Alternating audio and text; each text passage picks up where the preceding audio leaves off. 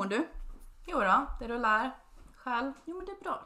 Fint. Det, ja men det, det är fint. Härligt. Ja, Skönt. mycket bra. Mycket mycket lyckat. trevligt. Ja, jag kan Ja. tänka mig det. Vi har det mycket trevligt. Ja, faktiskt. Ja. Tända ljus, Lite kaffe, läppsyl, Näs. Nej. nässpray. Ja, nej. Den kan vi ju skita i då. Ja. Ja. Nej men det är fint, det är Ja. mysigt. Härligt. Eh, hej på er allihopa! Hej. Eh, nu gör vi ett eh, nytt avsnitt. Men idag är vi faktiskt en man kort. Så idag är det bara Elin och Bea som är här och pratar. För att eh, Moa hon har fullt upp med sitt eget. Hon sitter och pluggar. Och sitter antagligen och gråter för att hon inte vill plugga. Det tror jag faktiskt att hon Ja. gör. Det tror jag också. Hemskt. Ja, Vi får ringa henne sen, ja, ja men det gör vi. tycker jag.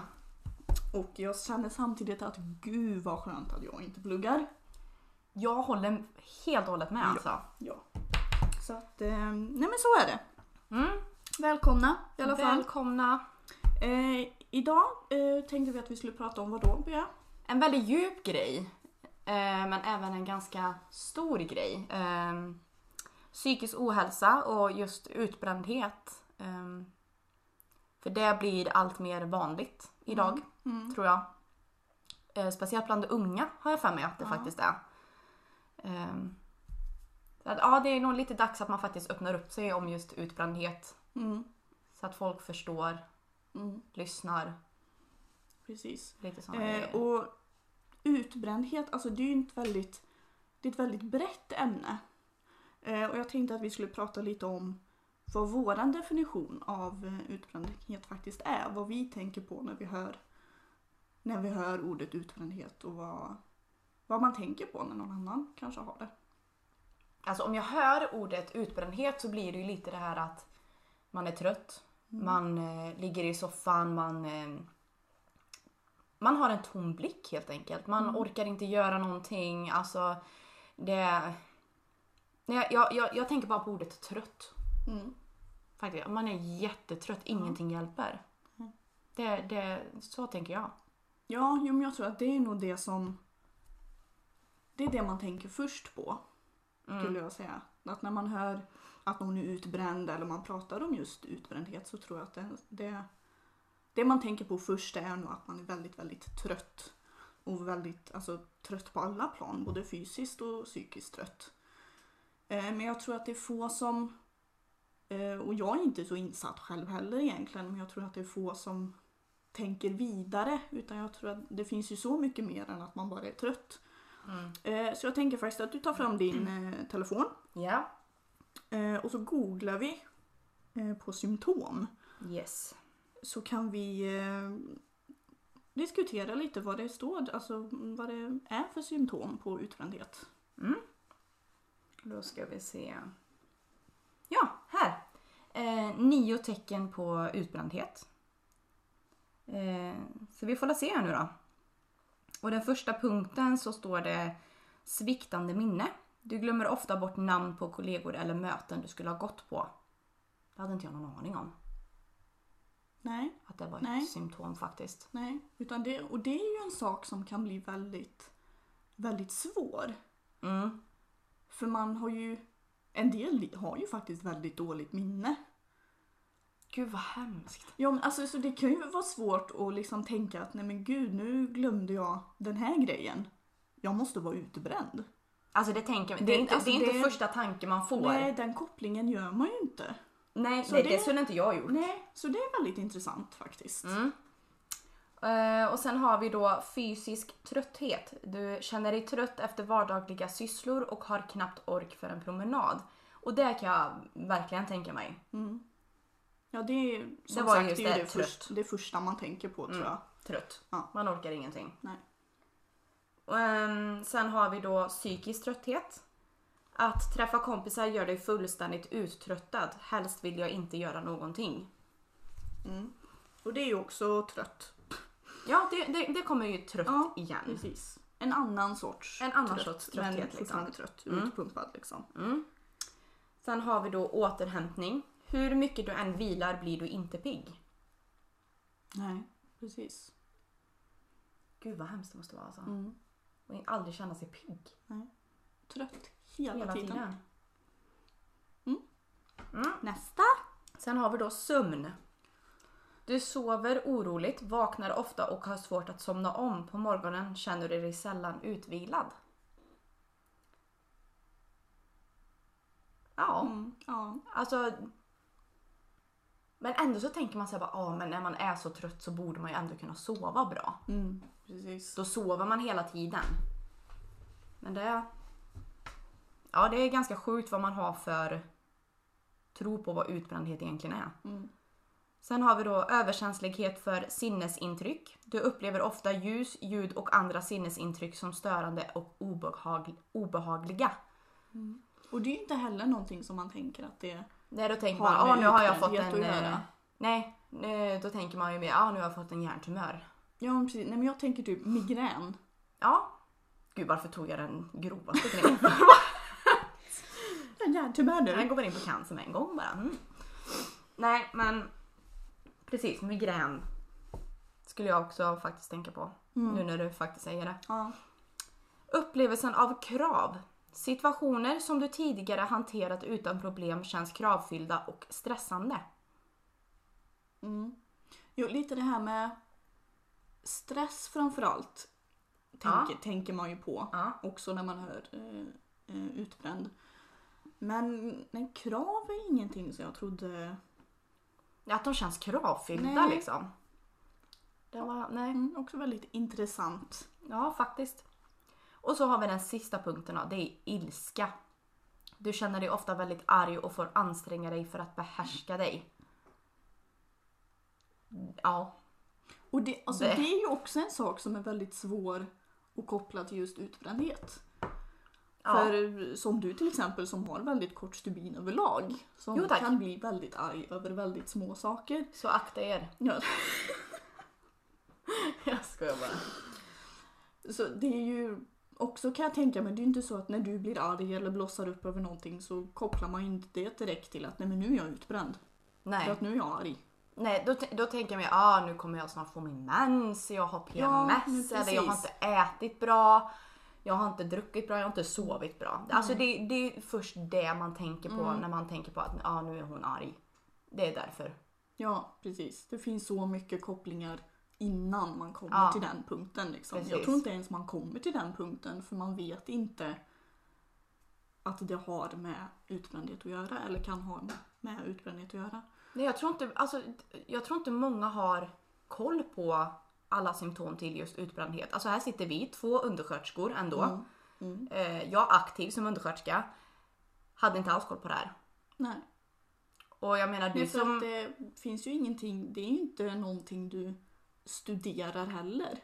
Nej. Jag har inget minne av att vi läste om utbrändhet när vi gick i gymnasiet och vi faktiskt gick vård och omsorg. Nej, jag tror inte vi gjorde det. Nej. Utan då var det liksom psykiatri och all den här skiten, om man Ja. får säga så. Ja. Som vi skulle ha i arbetslivet sen. Mm. Men vi läste aldrig om vad som faktiskt kan hända Nej. inom vården. Nej. Och på tal om det så har ju du faktiskt själv varit utbränd. Ja, jo det har jag faktiskt. Och det är ju också intressant för jag hade ju inte, eh, när vi läste om symptomen nu så har jag inte, det är ju mycket som, eller jag känner igen mig i allt faktiskt, det som du sa. Mm. Eh, men som sagt så var det ju ingenting, visst att jag kanske hade, fick dåligt minne. Men som jag sa så har jag ganska dåligt minne redan sen innan så det var ingenting som jag kopplade till att men gud nu är jag utbränd. För att Nej. nu, nu kommer inte jag ihåg vad min chef heter. Gud vad hemskt. Ja, men det, alltså, och det har ju också lite med som sagt okunskap att göra. Vi hade ju inte läst om det här i skolan. Jag visste inte vad det här, alltså vad det var för någonting. Nej. Utan trodde ju att det berodde på helt andra saker liksom. Nej men jag har sovit för dåligt eller jag har en dålig dag. Eller jag har mycket annat att tänka på. Liksom. Mm. Så det tänkte man ju inte alls på.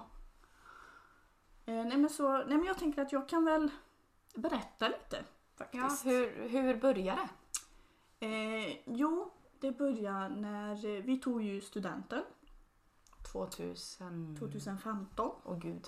Ja, precis. Det är fyra år sedan Beatrice. Usch Fyra. Sofie, vad gamla vi är. Ja, usch.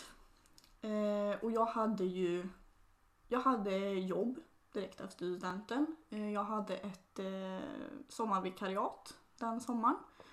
Och jag tror att andra, andra dagen på jobbet så fick jag förlängt. Så att jag fick jobb på hösten också. Grymt. Ja, Det är inte många som får det, kan jag säga. Då känner man sig rätt duktig Ja. faktiskt. Då blir man såhär yes! Det, Gud, ja. ja. men det kändes bra. Mm, Eh, då i alla fall.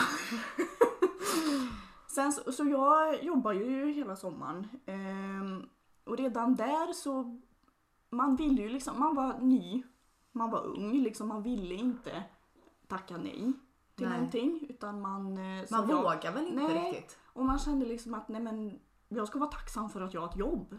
Liksom. Så det är klart att jag ska jobba om de behöver att jag jobbar. Mm.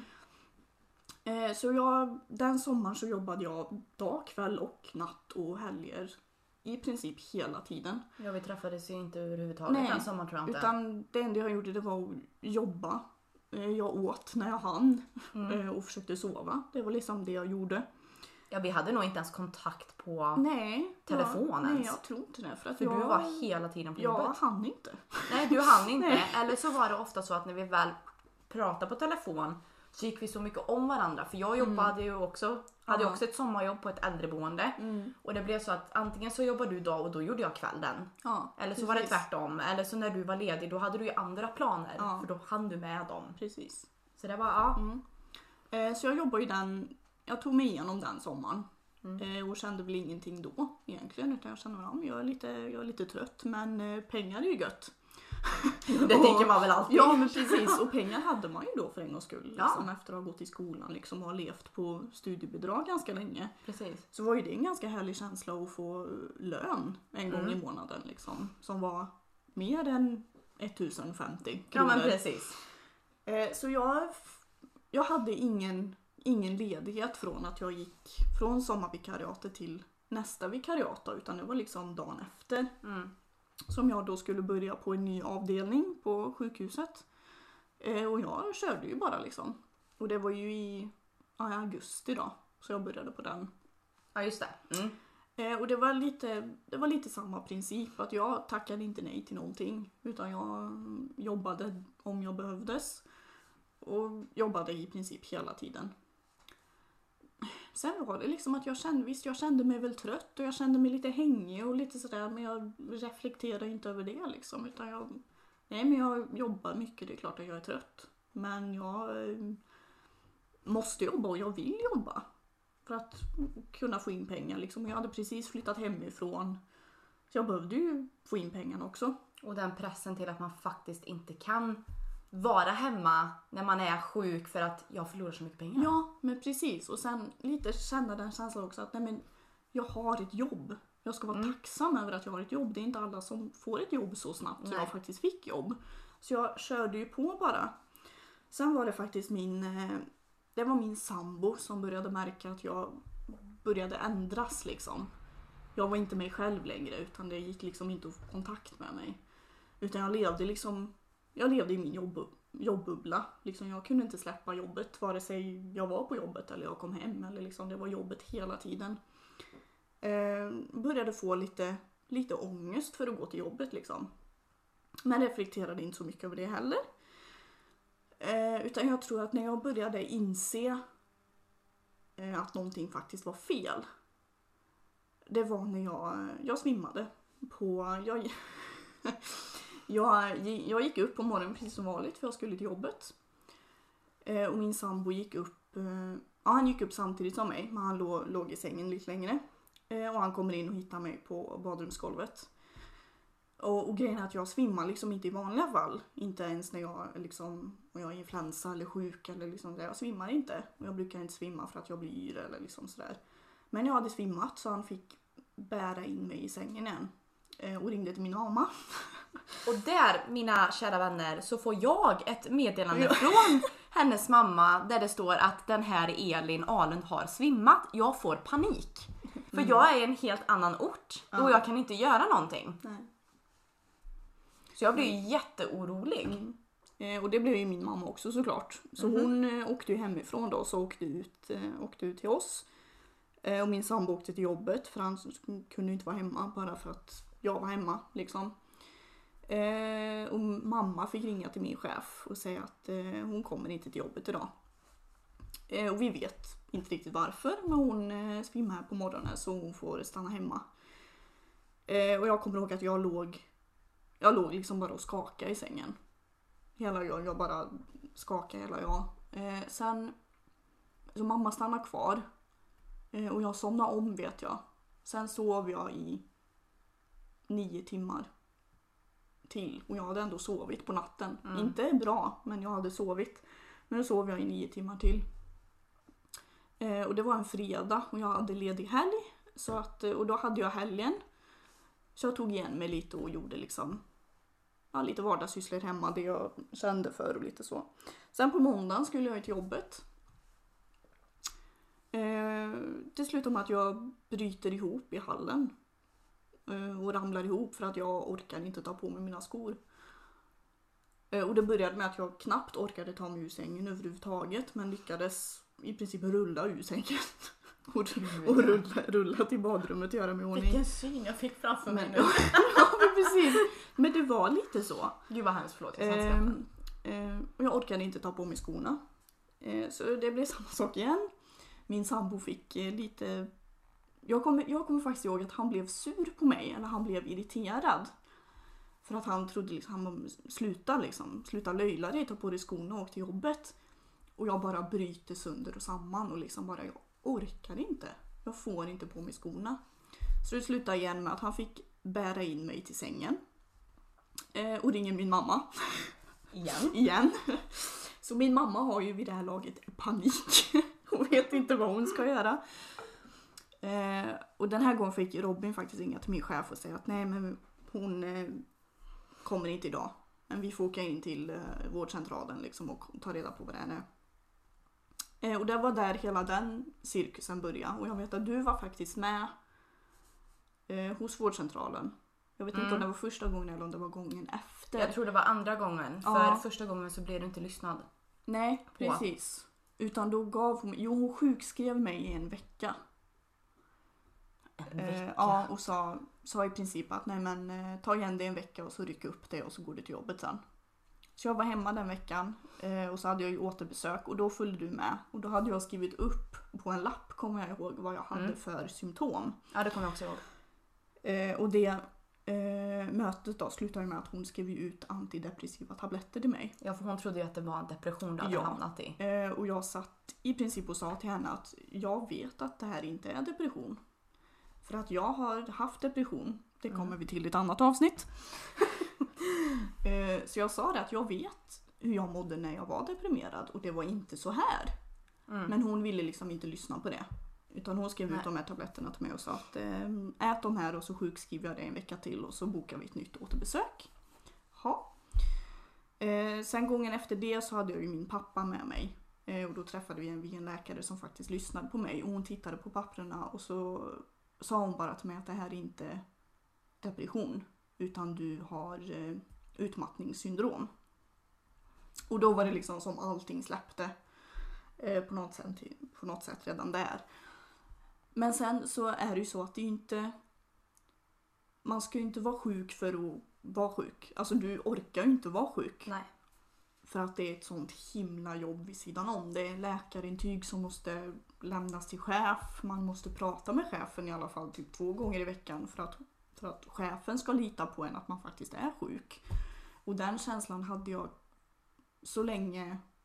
Jag jobbade ju inte mer på det vikariatet utan jag blev ju sjukskriven liksom. Men jag kände att min chef litade inte riktigt på det. Även fast hon fick läkarintyg från mig så var det nästan så att hon liksom skrattade lite i telefonen nästan och ja, ja, du är väl sjuk. Usch. Och då, och då känner man ju så här att då börjar man ju tvivla själv. Jag är vet, jag verkligen sjuk? ja, precis. Jag började Mm. tvivla jättemycket och liksom började känna så här, men, nej, men du inbillar dig, du är inte alls sjuk. Ryck upp dig och gå till jobbet liksom som normalt folk. Du är lat, skärp dig. Precis. Men det var ju inte så, alltså jag orkade ju inte. Och det har jag ju hört, hört i efterhand, alltså både från dig och från min sambo och mina föräldrar att jag var ju inte mig själv. Liksom. Det var du. du fick, ju, du inte. fick ju komma och dammsuga hos mig liksom, för Jag jag, hjälpte dig att inte. handla och jag diska och allting. För din stackars sambo hade ju ett helt jobb själv. Ja. Och så och var det, det blev som ett extra det- jobb Ja, att komma hem och precis. ta hand om mig och, Och då kände jag bara, huset, liksom. just då var jag nog arbetslös tror jag. Så då kände Ja. jag ändå att jag faktiskt, nej jag tänker stötta min bästa vän här. Mm. Jag tänker inte låta henne gå ner i skiten. Nej. Det klarar inte jag av att se. Liksom. Ehm, så ja, Sen- där kände jag bara superwoman. Ja precis, du bara that's me, yes bitch. I'm fucking friendship goals. Alltså. Nej men och så tillbaka till det vi pratade om. Ja. Eh, så jag tror att på, jag var väl sjukskriven i ett, ett och ett halvt år ungefär och jag gick hos eh, arbetsterapeut för att försöka få upp liksom de här eh, vardagssysslorna igen. liksom där orka gå och handla, orka träffa folk, öva på mindfulness och du vet sån här bodyscan och såna här grejer. Avslappning helt enkelt för att jag skulle kunna slappna av för jag sov ju inte. Jag sov ju inte på nätterna vilket resulterade i att jag sov hela dagarna. Hela dagarna, ja. Vilket då resulterade i att jag sov inte på nätterna. Så det blev ju som en ond cirkel alltihop. Liksom. Eh, men i alla fall, jag var, ja, jag var sjukskriven i ett och ett halvt år. Eh, sen hade vi ett eh, avstämningsmöte. Eh, det sista då vi bestämde att vi skulle faktiskt då kontakta Arbetsförmedlingen för att försöka Komma ut igen liksom. Ja, precis. För att försöka komma alltså få mig att komma igång igen. För att då var jag väl, jag var på bättringsvägen. Jag var inte helt frisk, alltså långt ifrån. Men jag kände ändå att jag måste, måste försöka komma igång för att det ska gå framåt överhuvudtaget. Mm.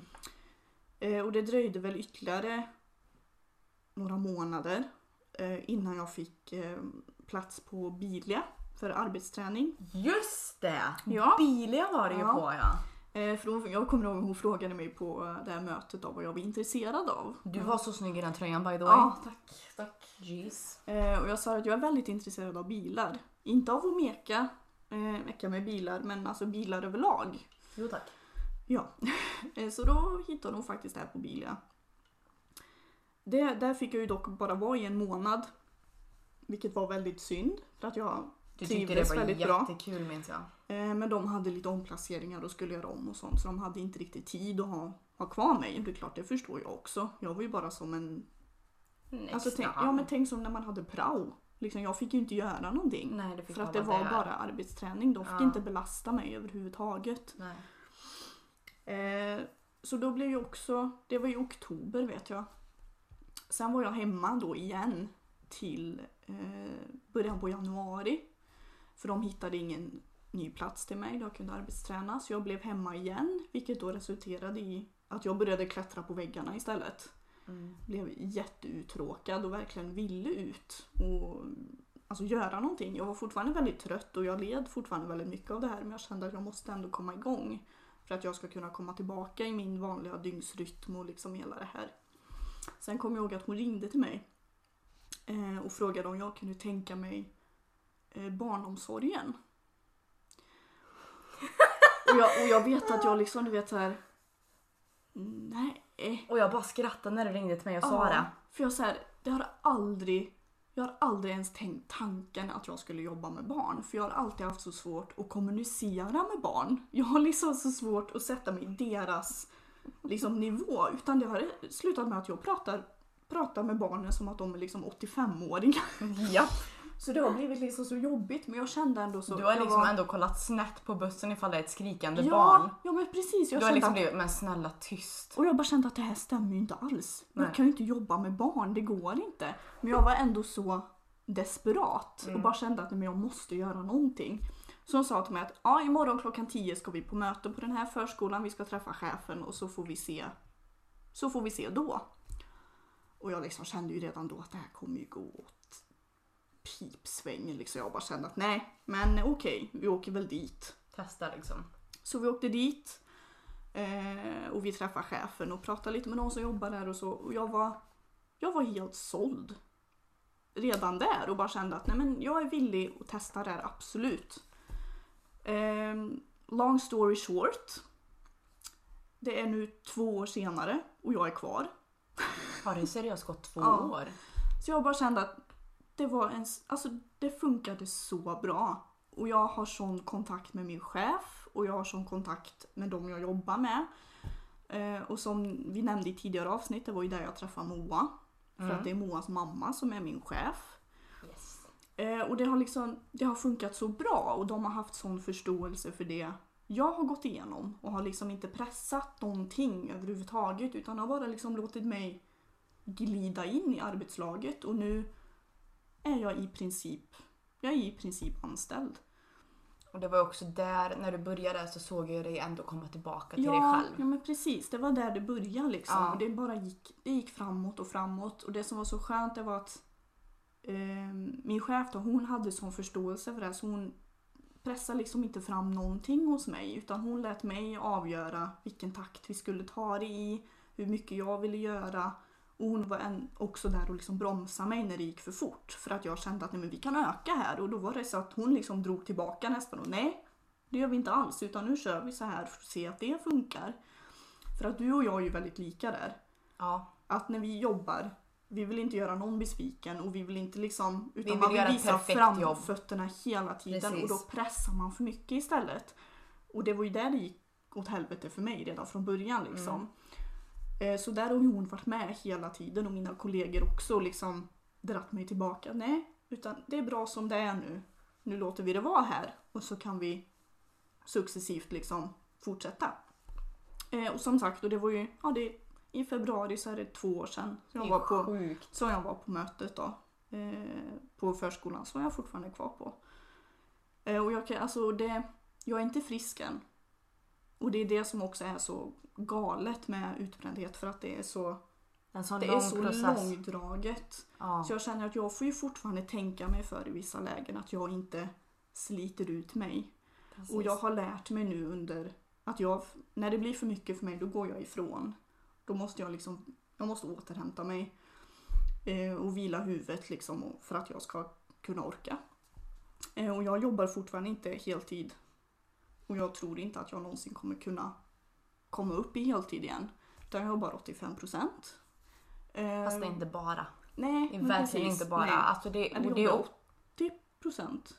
jag vet inte hur många Nej, procent jag jobbar. heller. Men på 80-strecket är du i alla fall. Ja. Och det är inte bara. Nej. För alltså, Och, och det, är känner- också det, det är också det som är så tröttsamt att höra att ja, men, då jobbar man deltid. ja, Det är ingenting. precis. Då kan man inte bli utbränd. Nej. Eller dittan och dattan. Utan 85% är ganska bra Ja. gjort alltså. Och jag känner att det räcker för mig. Mm. Liksom, för att jag känner att om, nu känner jag fortfarande där att nej men jag kan jobba och jag kan komma hem och fortfarande ha ett liv. Mm.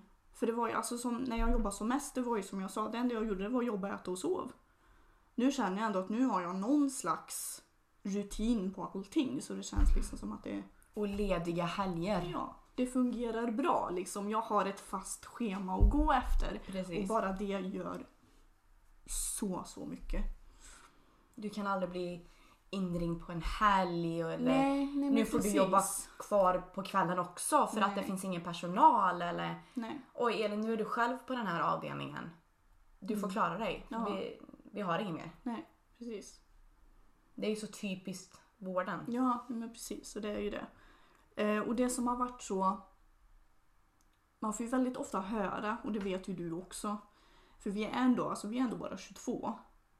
Så det är ju ganska ofta du får höra den här att om man säger liksom nej men jag är så trött. Nej men, men du är ung och rask.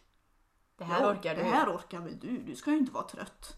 Det är nog det värsta man faktiskt kan höra utav de äldre som jobbar inom omvårdnad eller vården.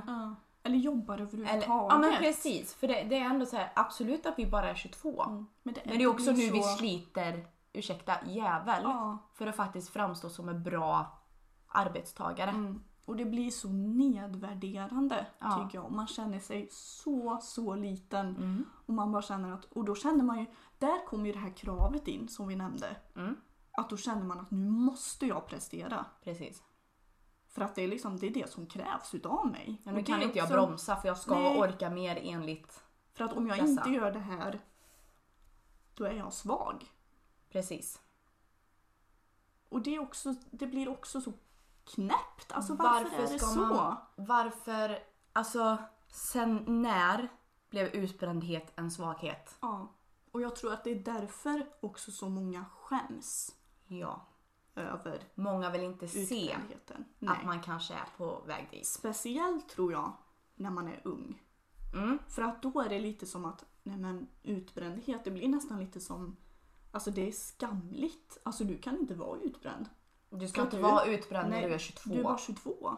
Ja, men nu blev jag det. Vad är det då som är fel? Då kanske det är något annat som man ska tänka om på. Precis. Som det här med vården till exempel, att man jobbar 24 timmar om dygnet. Jo tack. Ja, Det... och det vet ju du. Jo tack. Jo, ja det, det gör jag garanterat. Jag jobbar i stort sett jämt. Och när jag väl är ledig så får jag alltid samtal från jobbet. Ja, och det vet jag, alltså det vet jag ju för det är ju många gånger som jag har suttit hos dig och det ringer i din telefon. Och du säger liksom bara nej men det är jobbet. Och jag vet att jag i det läget säger men svara inte då. Jo men jag måste svara. Mm. Det kanske har hänt någonting. Och bara den grejen att du känner dig ansvarig liksom. För där ska man ju ändå känna liksom, nej men jag är ledig. Det är inte mitt ansvar nu. Det går inte. Nej. Jag tar alltid med mig jobbet hem. Mm. Jag släpper aldrig för jag, jag har de- Dessutom så har jag ju alltid telefonen i närheten av mig för ifall nu jobbet skulle ringa och de behöver få in personal Mm. så kan jag bara sätta mig i bilen och dra. Om jag nu inte har något planerat. Men det kan ju också även hända att jag blir inbeordrad och tackar jag nej då blir det en arbetsvägran. Så det är ju också ett krav att du måste kunna åka in till jobbet vid en inbeordran eller när någon ringer och liksom bara snälla be kan du komma in och jobba? Vi, det finns ingen personal, vi vet inte vilka mer vi ska ringa. Och det är klart man ställer upp. Det är klart man ställer upp för man vet ju själv i vilken sits man hamnar i när det inte finns personal. När man går kort och alltså man sliter ihjäl sig. För det, För att folk förstår inte. nej. Det finns liksom ingen förståelse för... För att jag tror, alltså trött, det är ett lite så här slit och släng-ord. Alltså det är bara man slänger ut sig det liksom. Nej men jag är trött. Mm. Och visst, ibland har det betydelsen att nej men jag, jag har sovit lite illa. Så jag är lite trött idag. Okej? Men trött kan som sagt betyda så mycket mer. Ja. Och det är det folk inte förstår. Och det är det folk inte riktigt ser. Nej. Alltså för de tror när man säger så här. Eh, nu det senaste har jag ju börjat bli ganska trött. Mm. Jag sover inte Trött, ordentligt. trött på alla plan. Trött på alla plan ja. Jag sover inte ordentligt och alltså det, jag, ja. You Är know. du frustrerad? Extremt frustrerad. Har du dåligt minne? Ja, det har jag. Vad är detta symptom på? Ja, alltså jag... Jag, jag är en sån som inte kan stanna. Nej. Vi båda är såna som vi sa. Utan jag pushar framåt. Även fast folk säger Snälla, var ledig en vecka så kan Nej. Nej men gud, nej det går inte. Jag måste jobba för annars, för det första så förlorar jag för mycket pengar. Sen känner jag, jag kommer klättra på väggarna där hemma.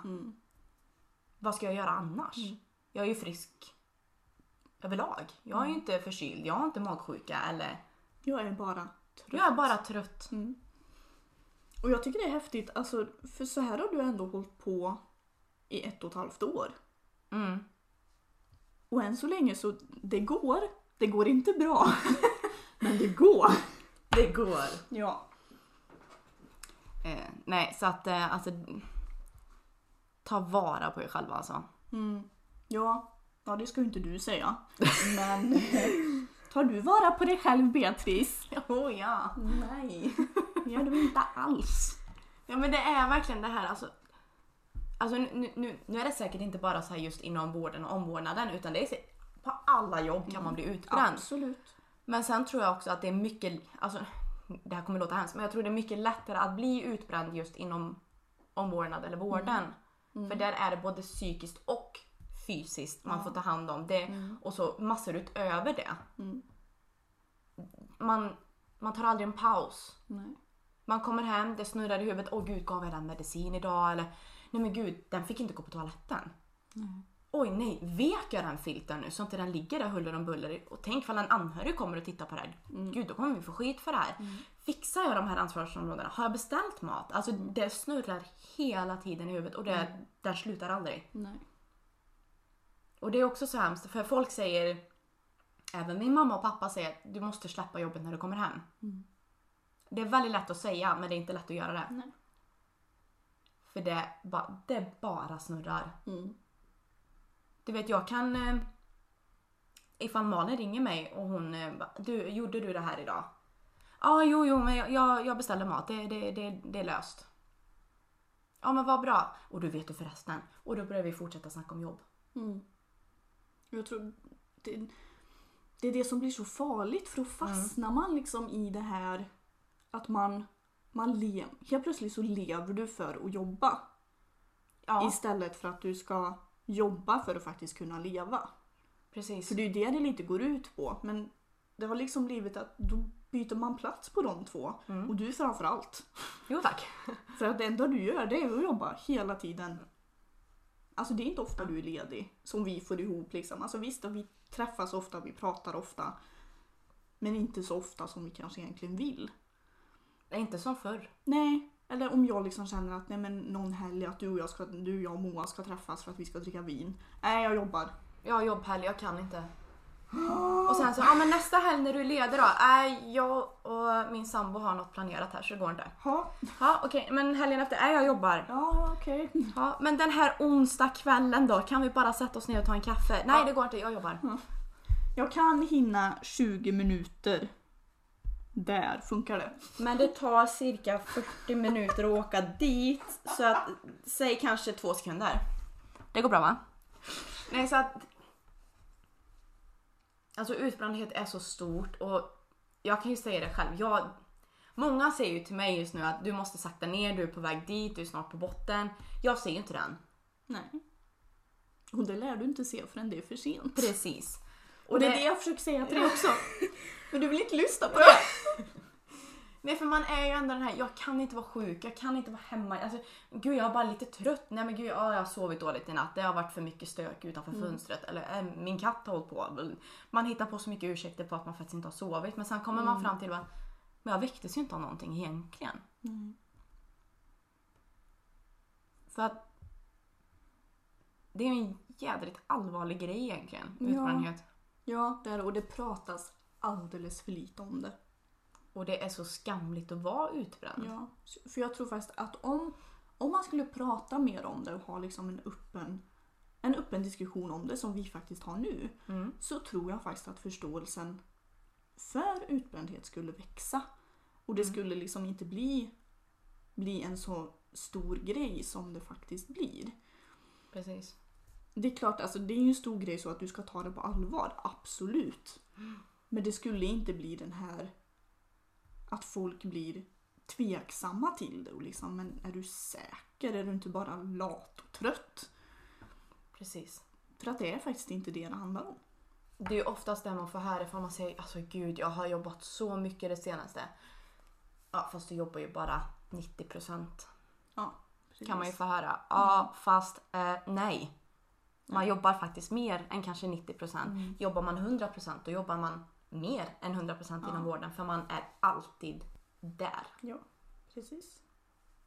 Så det är så synd att det inte finns en förståelse av samhället när det kommer Nej. till utbrändhet. Nej. Det måste förbättras alltså. Det, det måste tas mer på allvar. Mm. Chefer, kollegor, alltså så fort alltså, någon ser det minsta symptom så säg stopp. Ja. Sätt ner foten och bara säg lyssna på mig nu, så här ligger det till. Jag ser hur du mår, jag ser vad som har hänt med dig. Vi pratar knappt längre, du, du glömmer saker. Ja men som de här Ja, som symptomen. de här symptomen vi pratar om. Sätt ner foten för jag lovar dig, man lyssnar inte annars. Nej.